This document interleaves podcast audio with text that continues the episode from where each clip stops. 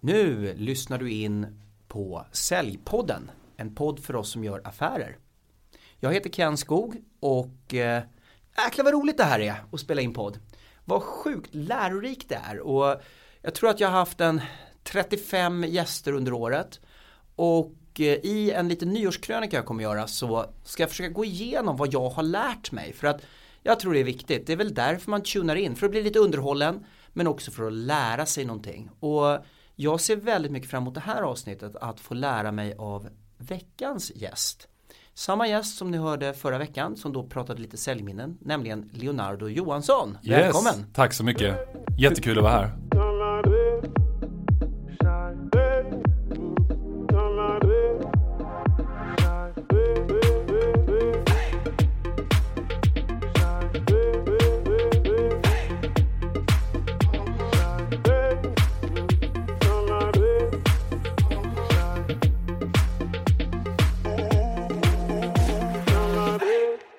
Hur mår du? Ja, jag mår 10 av 10. Jag tycker det här är så fantastiskt kul att få förmedla insikter och erfarenheter till andra där ute. Hur ofta mår du på en sjua eh, på en 10-gradig skala? Eh, ungefär en gång var tredje vecka. Mm. Vad gör du då? Då mediterar jag. Du ser. Ah. Var stringent och det är viktigt. Vi ska försöka vara stringenta för i förra avsnittet pratar Leo just om meditation för Mm. att komma upp i, i form och ta sig över den här 90% gränsen som han har som måttstock för att gå till jobbet och kunna prestera. Mm. Idag tänkte jag att vi ska prata lite om din historia så Mm. att folk kan relatera det du eh, berättar. Eh, lite grann kring vem är du och varför är du expert på det här området. Mm. Och sen ska vi prata lite om vinnande beteenden Yes. och hur vi skapar vinnande beteenden både som organisation men också som enskild individ för att vi behöver ju inte alltid sitta och vänta på att säljchefen tillhandahåller en skräddarsydd utbildning för oss utan det finns ju väldigt mycket vi kan göra själva. Absolut. Och ni som lyssnar på det här har ju redan startat den resan kan man tycka. Exakt. Berätta din bakgrund, vem är du? Vem är jag? Jag började som strump och kalsongförsäljare på Jack and Jones och inom koncernen Bestseller. Och han blev en säljcoach där innan jag började plugga eh, till ekonom i Lund faktiskt. Eh, så jobbat på företaget Lime, ett företag som heter IPQ, ett som heter Grade och hunnit vara eh, säljchef på de här fyra olika företagen. Eh, och baserat på den storyn, min erfarenhet där, har jag verkligen försökt under hela min karriär att plocka ut godbitarna kring vilka vinnande beteenden är generiska Alltså generella för svenska och nordiska business to business säljare för att uppnå framgång. Vilket jobb har varit roligast eller viktigast i din utveckling? Jobbet på IPQ skulle jag säga. Där hade jag ett år på mig att vända en negativ trend eh, när det kom till både omsättningstillväxten och eh, lönsamheten. Och utmaningen där det var att det var 20-talet patentingenjörer och varumärkesjurister varav de allra flesta inte riktigt hade någon förkärlek för försäljning. Och varför det var så viktigt och som jag kunnat ta med mig även nu när jag är säljutbildare det är att skapa nya beteenden handlar väldigt mycket om att se människan och att kunna påverka människan till att se något positivt i den här beteendeförändringen. Att skapa tillräck en tillräckligt stor vilja helt enkelt att förändra sig. För att om inte individen vill förändra sig då är det helt, ja men det, det är inte alls det är inte värdefull tid som du lägger som säljledare på att försöka utveckla en människa som är stängd för utveckling. Ehm, Så att, så att det skulle jag säga är den största lärdomen och hur vi lyckades där på bara ett års tid vända på den här skutan. När du är ute och säljutbildar eller har Mm. kontakt med säljchefer som har anlitat dig. Yes. Hur många procent i grupper generellt om det finns en sån siffra eller om du Mm. höftar är villiga att förändras när de kommer till en utbildning? Vet du, om jag får generalisera, jag kan ju faktiskt generalisera tyvärr, jättetyvärr Ken, på ålder. För att jag ser, och det finns de som är och jobbat inom liksom säljyrket. Till exempel en kille som heter Magnus på eh, Danagård, ett företag som jag arbetar med i tryckeribranschen. Alltså jag har inte stött på någon som är så pass sugen på beteendeförändring och är så öppen som han och det visar också hans resultat. Sen finns det många andra som tyvärr har de här invanda beteendena. Men jag skulle knappt våga skylla på dem. Ibland är det såklart den här enskilda individen som är stängd för utveckling. Men ofta är det för att organisationen inte har skapat en rutin, en vana, en kontinuitet i lärandet som gör att vilken människa som helst som arbetar i 10-15 år i samma position som inte blir utmanad till att utvecklas kommer att stanna upp i sin utveckling. Och då Ken, då är det mycket, mycket svårare att gå ur sin comfort zone, sin bekvämlighetszon. Mm. Så att, eh, ja, var det svar på din fråga? Det var absolut. Kontinuiteten hos organisationen finns inte riktigt där. Ja. Är det kontinuiteten i utbildning eller är det kontinuiteten i närheten och coachningen eller en mix? Hur resonerar du? Jag skulle säga att det är en mix, alltså kontinuiteten i att skapa nya beteenden. Alltså även de mest erfarna och duktiga säljarna behöver antingen repetera sådant som de vet är framgångsfaktorer eller lära sig nya saker, nya infallsvinklar och dela med sig av sina erfarenheter till resten av gruppen. Så att det handlar mer om, oavsett om det handlar om coaching eller utbildning, att skapa en vana vid att förändra sitt beteende. Det är mer mm. det det handlar om. Mm.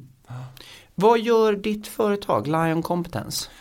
Eh, Lion Competence tillhandahåller framförallt digitala säljutbildningar där vi skapar helt anpassade utbildningsplaner fast i digitalt format till olika business to business företag främst på den nordiska marknaden. Så idag är vi eh, fem anställda faktiskt. Mm.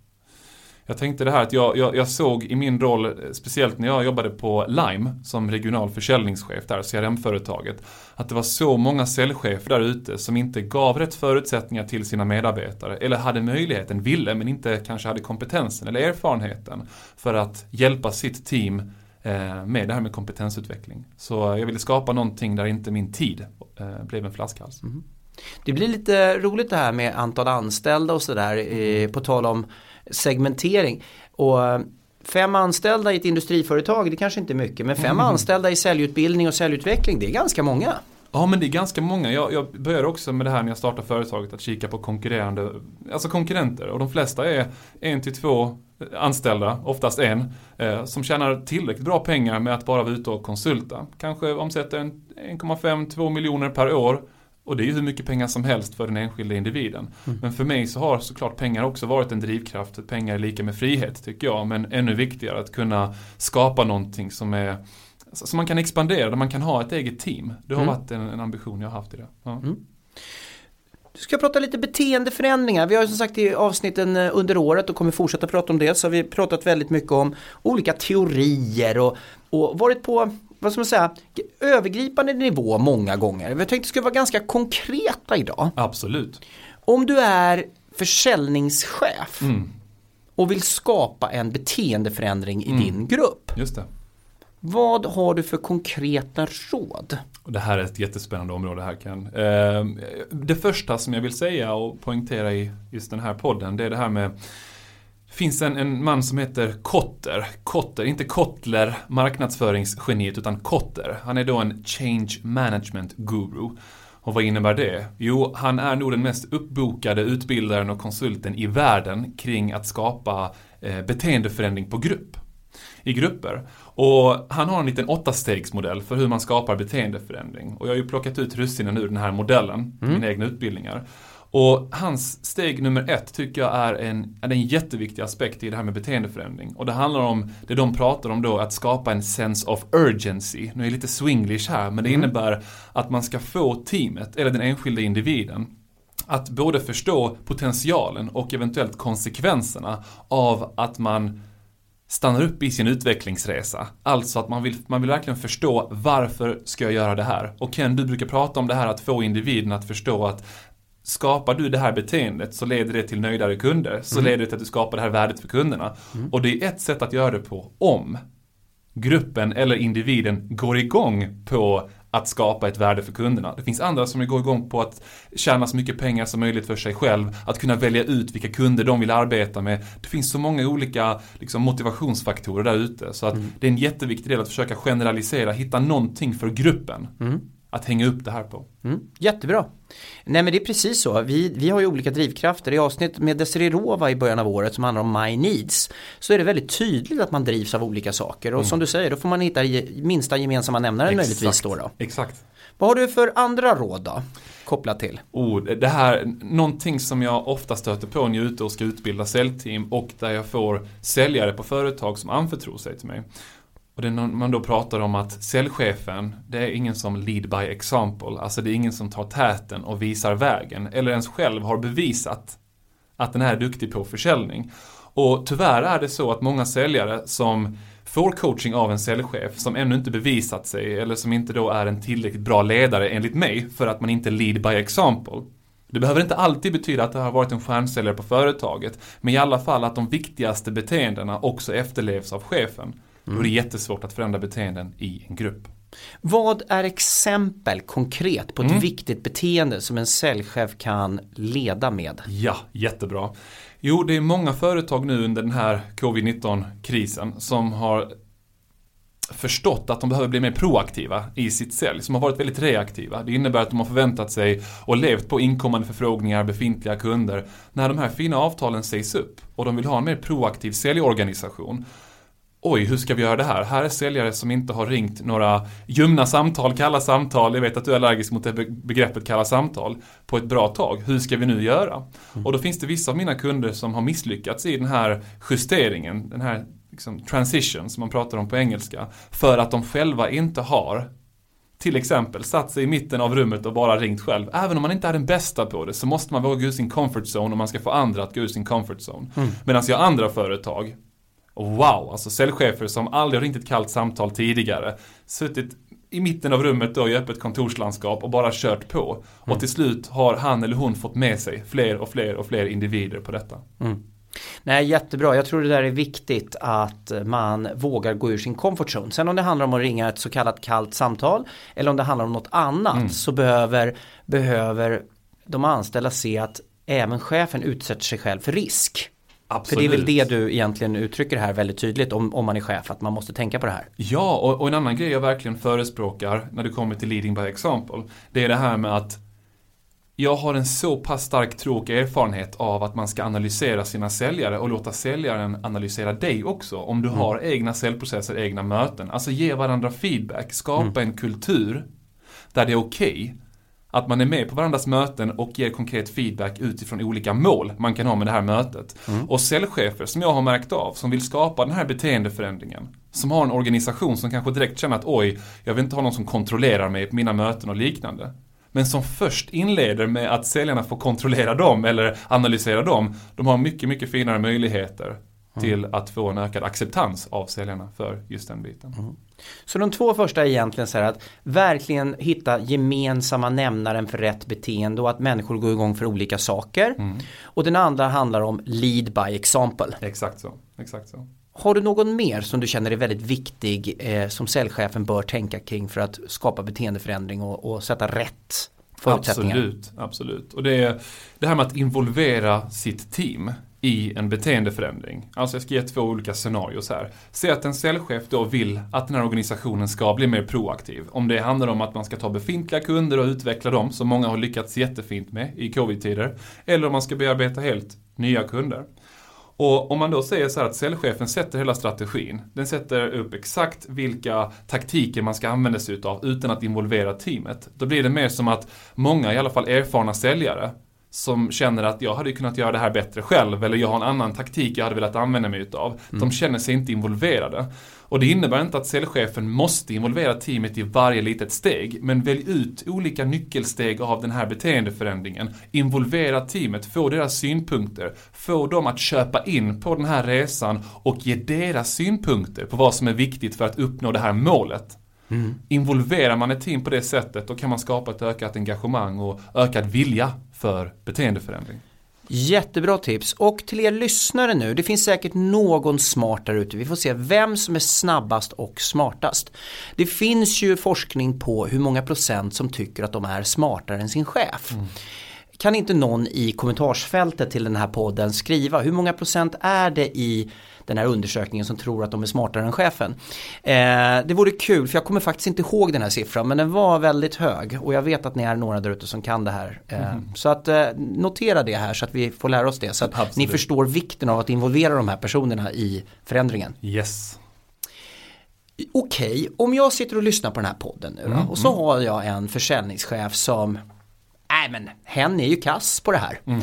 Eh, jag får ingen utveckling mm. eh, och antingen har jag en självinsikt om att jag beter mig fel eller mm. så får jag väl hoppas att någon annan påtalar det för mig förr eller senare. Ja. Hur bör jag göra för att eh, jobba med mitt eget Mm. beteende och förändra det på bästa Just sätt. det. det allra första steget är att skicka en länk till den här poddinspelningen. Ja, Det är ju step one liksom. mm, det är step one, alltid. Skämt åsido. Ja. Men, nej, men som individ, det här är rätt spännande för att det, det är många säljchefer där ute som säger så här att ja men kompetensutvecklingen ska vara eh, driven av individen. Det ska vara medarbetar, eh, medarbetarmotiverad kompetensutveckling, hur man än vill eh, vad man än vill kalla det för. Men min bild av det hela är att det måste vara en liten kombination. Och har man inte kombinationen utan bara ett eget ansvar, då finns det ett par olika saker man kan tänka på. Och det första är det jag kallar för det levande dokumentet. Mm. Och det levande dokumentet handlar om att du under din säljkarriär, både i dina egna möten, i böcker du läser, ljudböcker du lyssnar på, poddar du lyssnar på. Det finns så otroligt mycket du lär dig vid de här tillfällena, i de här forumen. Men extremt få säljare skriver faktiskt ner sina lärdomar i ett sånt här levande dokument. Och därmed har man inte heller chansen att repetera de här viktiga bitarna. Alltså Ken, du kan ju tänka dig hur många gånger jag under en utbildning hör Ja ah, men det där har jag hört förut. Och när jag då utmanar säljaren Men gör du det här idag? Mm. Nej, kanske inte. Och det handlar väldigt mycket om att man inte har skrivit ner det man vill lära sig och till och med lägga upp det som ett bokmärke i Google Chrome eller vad den använder för webbläsare så att du aldrig har med, aldrig har mer än ett knapptryck, eh, att det aldrig är mer än ett knapptryck bort. I två avsnitt, jag hänvisar till det ena lite för många gånger men det är väldigt bra. Det är med Ansir Antan, ett annat avsnitt med eh, Frank Herberts, vd för Mercury International.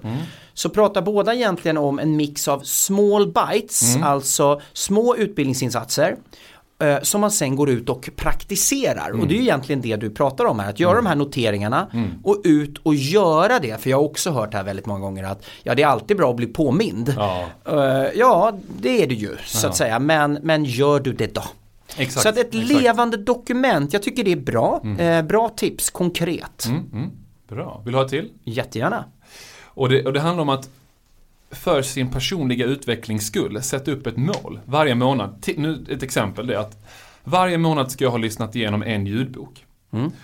Och så tänker man så här, mm, lyssnat igenom en ljudbok, hur mycket kommer det hjälpa mig att förändra mina beteenden? Och nu är vi inne på det här levande dokumentet igen, att när du lyssnar igenom ljudboken, så fort du hör någonting som är bra, tryck på pausknappen, in i anteckningsblocket på din telefon eller separat ifall du går runt med ett sådant, och skriv ner vad det är du har lärt dig, vad det är du vill börja implementera och testa på. Så att sätta upp personliga mål för dig själv kring externt lärande. Bra. Och är det en tredje förresten? För först hade du egentligen att eh, vi pratade dels det här levande dokumentet. Yes. Sen pratade vi om att sätta upp ett mål kring eh, kvantiteten, en ljudbok och så Ja, vidare. ja. Men också någon form av mål kring kvaliteten, vad du vill lära dig också. Eller är det, ligger det i det här? Eh, Ja, alltså det var inte riktigt det jag pratat om hittills, men det du säger är ju klockrent också. Det kan man säga som en, som en punkt nummer tre, att sätta upp mål kring, kring kvaliteten också. Till exempel att ha ett väldigt tydligt fokus på att ja, men det är invändningshantering där jag ser att det här är den största potentialen för mig att bli bättre på för att öka min hitrate i min säljprocess. Eller ja, jag måste jobba mycket med mentaliteten för att jag märker av att hur jag mår när jag kommer till jobbet det påverkar mig negativt under två av fem arbetsdagar per vecka. Alltså att försöka få självinsikt eller be någon som har mycket erfarenhet om att hjälpa dig med den här självinsikten om vad behöver jag förbättra. Så att ja, både kvantitativa och kvalitativa mål absolut kan. Jättebra.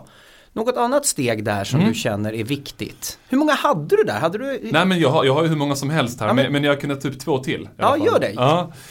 Och, och ett tips, och det kan låta lite, vad ska man säga, gammalmodigt, men att använda post-it-lappar. Mm. Jag har en säljare då som heter Sebastian och under de första månaderna av hans anställning så var det vid ungefär 30-talet tillfällen som jag analyserade hans möten eller som han körde um, case-presentationer för mig för att hela tiden träna sig i hur ska han agera under säljmötena. Och det vi bestämde oss för, även om feedbacken var, ja, det var hur många punkter som helst, det är att plocka ut de en till tre delar utav de här beteendeförändringarna som han ville åstadkomma. Som är de allra viktigaste för honom. Upp på post-it-lappar och så hängde han upp det på skärmen. Och då kunde han titta på det här, till exempel. Ta en paus på två sekunder.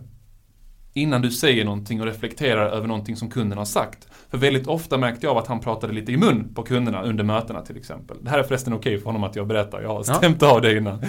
Mm. Um, och något annat uh, skulle kunna vara att, oj, glöm inte bort att alltid fråga om beslutsfattare och använd retoriken på rätt sätt för att ställa frågor om beslutsfattare i början av ett möte.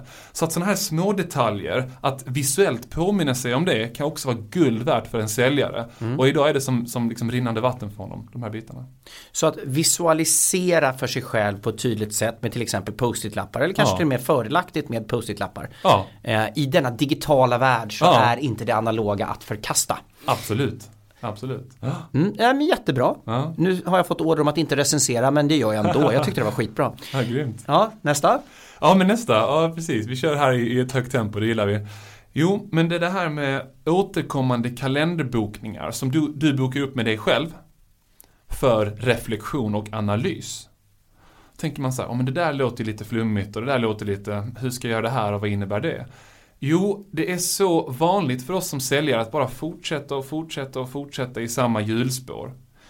Vi lägger oftast inte tid i våra kalendrar för att analysera, reflektera över vad har vi lärt oss, vad har vi inte lärt oss, vad vill vi bli bättre på, vad ska vi göra mer av, mindre utav och liknande. Så att mitt konkreta tips det är att börja varje månad med en liten kalenderbokning på en timme där du analyserar, har jag verkligen lyckats implementera de här beteendena som jag ville, som jag hade som mål under förra månaden till exempel? Mm. Vad behöver jag göra mer eller mindre utav i mitt säljarbete för att lyckas? Så den här liksom tiden för reflektion kring konkreta beteenden, mm. det är en jätteviktig del. Hur länge har du varit ute och kommit med den rekommendationen till egna säljare eller andra säljorganisationer att de ska göra så? Eh, jag startade företaget för fyra år sedan men det här har jag gjort sedan, eh, ja men säg, eh, kanske 2012. Ja. Hur många sätter upp den här timmen i sin kalender för att göra den här reflektionen? Väldigt få. Väldigt få. Och hur, många, gen och hur många genomför den? Eh, ja, men kanske hälften utav dem. Ja. Så jag skulle säga att om 10% av säljare mm. eh, sätter upp den här återkommande kalenderbokningen så är det mm. kanske 5% totalt då mm. som, som gör ja. det här. Men det som är så fantastiskt Ken, är att de som faktiskt gör det, det är mm. väldigt många av dem som hör av sig till mig på, på LinkedIn i efterhand och säger att wow, det här gav mig så mycket mer än vad jag faktiskt trodde. Speciellt mm. om jag hade en tydlig agenda för vad jag skulle mm. följa för struktur under den här timmen jag bokat in för mig själv. Det här är ju väldigt intressant. Vi går och pratar om att vi vill ha utbildning och utveckling och lärande och jag vet inte hur många gånger jag hör det här och det är jättebra och jag säger det här med värme och respekt. Men det svåra ligger ju att få kontinuiteten och, och faktiskt unna sig den här timmen. Så mm. är du en person som går omkring och säger det här så unna dig den här timmen. Mm. Jag tror nämligen att det är ett väldigt bra råd. Ja. Eh, och min fråga låg just i, i utmaningen att det är väldigt lätt att den där timmen ställs in. Mm. Eh, för man har något annat som är viktigare. Mm. Men då är det från början inte tillräckligt viktigt att utvecklas då. Ja. Utan den här måste ju bli helig. Ja, och jag brukar generalisera och säga att säljare, inklusive jag själv, tänker väldigt kortsiktigt. Alltså det först när jag blev VD för mitt eget företag som jag tänkte betydligt mycket mer långsiktigt. Mm. Och i det kortsiktiga så innebär det att oh, jag måste uppnå mina aktivitetsmål, mina tio möten per vecka eh, och säljbudgeten. Alltså man glömmer av det som egentligen leder till att du kan uppnå budgeten och dina säljmål ännu mm. snabbare, nämligen mm. reflektionen, mm. korrigeringen av det du gör eller det du inte gör på laglig basis. Det är precis det som du nämnde här i, förra avsnittet, att det är ett, uh, ungefär sa du något sånt här att resultatet är bara um, det är, en, det är en summering utav vad du gör varje år, varje månad, varje vecka, varje timme. Och gör du inte rätt saker, då kommer du inte heller kunna se de bästa resultaten. Mm. Ja, jättebra, bra minne och jag ska se om jag klarar av att ha samma minne. De här fem tipsen om jag plockar det här från huvudet och korrigera mm. mig nu. Det är ett levande dokument. Mm. Där man antecknar tankar, idéer och sen gärna går ut och testar mm. dem eh, ganska snart. Yes. Det är att sätta upp ett, helst, vi börjar den här änden då, sätta upp ett kvalitativt mål. Mm. Vad är det jag behöver lära mig mm. för att utvecklas som människa? Och ta hjälp, ta gärna hjälp där också. Och ta gärna hjälp av någon som du litar på och som känner dig och vad du faktiskt ska åstadkomma lägga mm. till så att det inte bara blir generella råd. Yes. Det tredje då handlar om egentligen sätta upp någon form av light kvantitativt mått. En ljudbok i månaden eller en eh, bok man kan ju läsa också. Mm. Funkar ju, eller vad det är. Så att man faktiskt kan få in då den här kunskapen. Mm. Den fjärde handlar ju då om visuella hjälpmedel, post-it-lappar och så vidare för att titta på vad är det jag ska fokusera på. Och det femte, sätta upp en eh, reminder, eller förlåt, en reflektionstimme eh, varje månad. Där man går igenom vad man har lärt sig och vad man har praktiserat för att titta på kanske också då vad som gäller nästa månad Absolut. i sitt lärande. Ja, och kan, nu har jag en sjätte här jag bara måste förmedla. Ja men kör den, den ska summera alla de här fem hoppas jag. Ja, precis. Ja, nej, men det är grymt bra jobbat med, med ditt minne verkar vara helt fantastiskt. Bättre än mitt, måste jag säga. Eh, men det handlar om att våga bli analyserad. Våga bli analyserad. Det här är en jätterädsla jag stöter på där ute. Det är att, oh, ska Leonardo komma in här och analysera mina samtal? Eller ska en kollega eller en chef göra det? Det är jag inte van vid. Det känns inte bra. Oh, jag känner mig kontrollerad. Det handlar om ditt mindset. Det handlar om det här lärande mindsetet som vi pratar om här Ken. Att om du kan spela in ett möte du har, ha en kollega som följer med dig på möten. Du måste våga vara öppen för feedback. Du måste till och med våga aktivt, liksom proaktivt be en kollega. Proaktivt spela in mötet, avsätta tid. Det är jätteläskigt, jag vet, men Alltså, åh, jag blir så här nästan frustrerad över att det här är det tips som jag vill ge som skapar den största effekten, både från säljchef till säljare. Att börja arbeta med en kulturförändring som innebär att det är okej att analysera varandras möten och samtal och ge feedback. Men även för dig som individ att ta det här ansvaret. Shit vilken effekt det här ger på din försäljning. Det är helt galet. Och det här är ju just den här komplexa balansen mellan uppföljning eller kontroll eh, som många individer och att organisationer måste våga misslyckas och individer måste våga visa sårbarhet. Och det är väldigt lätt att säga. Men jag tror att, att hela tiden påminna om det här är viktigt. För att eh, det här som nämndes i förra avsnittet tror jag var när vi säger att det är inte godkänt eller icke godkänt utan det handlar om kanske godkänt eller not yet. Det handlar om lärandet och antingen tror vi på det eller så tror vi inte på det. Exakt. Jag vill gärna vara en person som försöker vända och vrida på saker men i slutändan måste man sätta ner foten och säga Ja, antingen tror vi på lärandet. Vi tror att det är viktigt att hur många passningar vi slår inom fotbollslaget, hur många löpningar vi tar kommer långsiktigt leda till ett bättre resultat. Exakt. Eller så tror vi på det kortsiktiga där det handlar om en vinst eller förlust i den här matchen som definierar vem vi är. Ja, exakt. Jag tror inte på det sista. Ja. Amen to that. Och det är det som är så viktigt när vi pratar mindset och jag tycker i det här avsnittet så vill vi gärna bryta ner det här då konkret. För en del tycker ju ibland, självklart med all rätt, att man är uppe och svävar i teorier. Men jag tror man måste gå från helikopter rakt ner i ubåten och Ja. aktiviteten. Exakt. Eh, ubåten var en dålig metafor. Vad heter det, hur, hur går det för din verksamhet idag? Det går väldigt bra va? Om du ska få skryta loss lite, det här var väl kanske inte en, egentligen det vi planerade för den här intervjun, men Ja. jag vill ändå höra för att det, mycket, det ser ut för, på alla där på LinkedIn som att antingen går det åt helvete för en del, de som vågar visa sårbarhet, eller så går det fantastiskt bra. Eh, din bransch har ju haft det tufft. Absolut, jättetufft. Eh, Jag skulle säga så här att jag är så lyckligt lottad eller stolt över mig själv för att när jag startade företaget för nästan fyra år sedan då såg jag det långsiktigt och inte kortsiktigt. Alltså jag la nästan ett och ett halvt år på att bara spela in massa videos och idag har vi över 250 utbildningsvideos som vi tillhandahåller till företag och skapar unika utbildningsplaner utifrån. Men Ken, om man tittar på allabolag.se så ser man att jag omsatte bara 600 000 första året, en miljon andra året och sen nu senast nästan 3 miljoner. Och det här året så vill vi upp emot 5-6 miljoner. Och det hade jag aldrig kunnat göra om inte jag såg det här långsiktigt. Så att vi har fått in jättemånga kunder på sistone, även om vi också hade tuffa tider nu i början av eh, covid-pandemin. Ehm, tack vare de här digitala utbildningarna vi har. Det är lite roligt för att när man tittar på förtroende så tittar man ju på karaktär och kompetens och karaktär handlar om avsikt. Eh, Det handlar om integritet, kompetens handlar om förmågor och sen handlar det om resultat. Ja. Men resultat är lite intressant när vi tittar på alla bolag och sånt. Jag gillar ju mer att få ihop helheten och jag gillar ju trenden. Rolig trend du beskriver.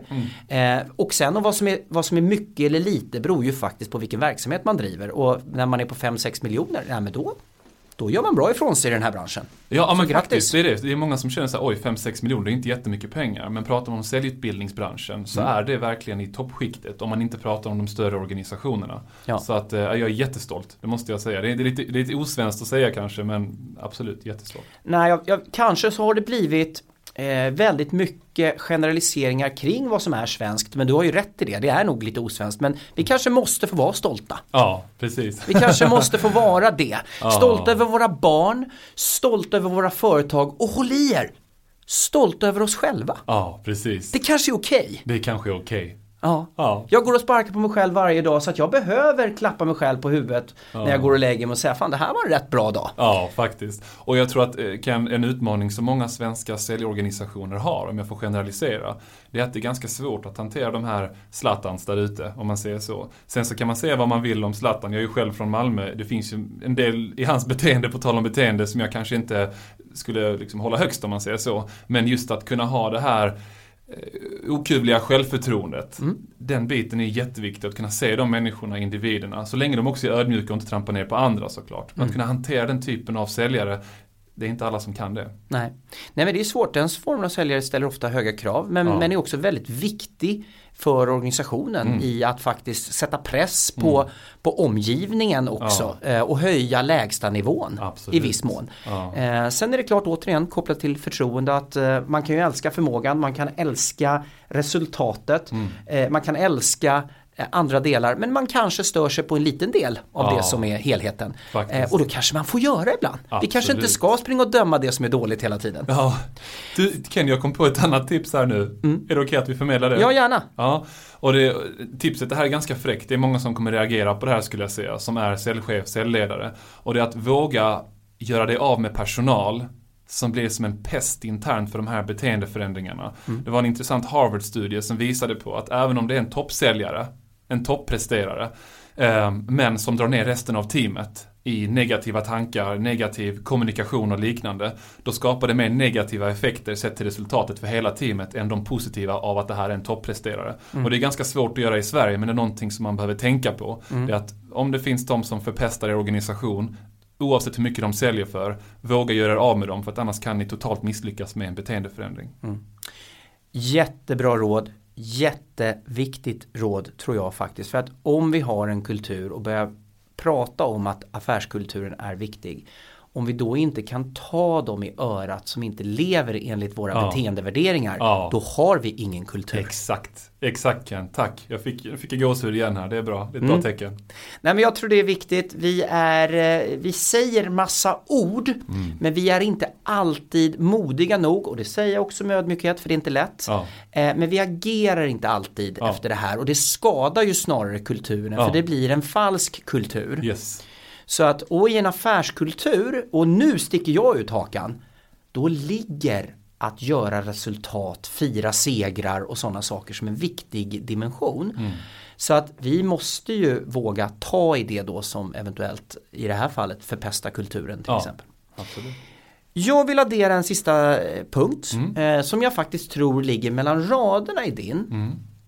Fråga då hur du ser på det.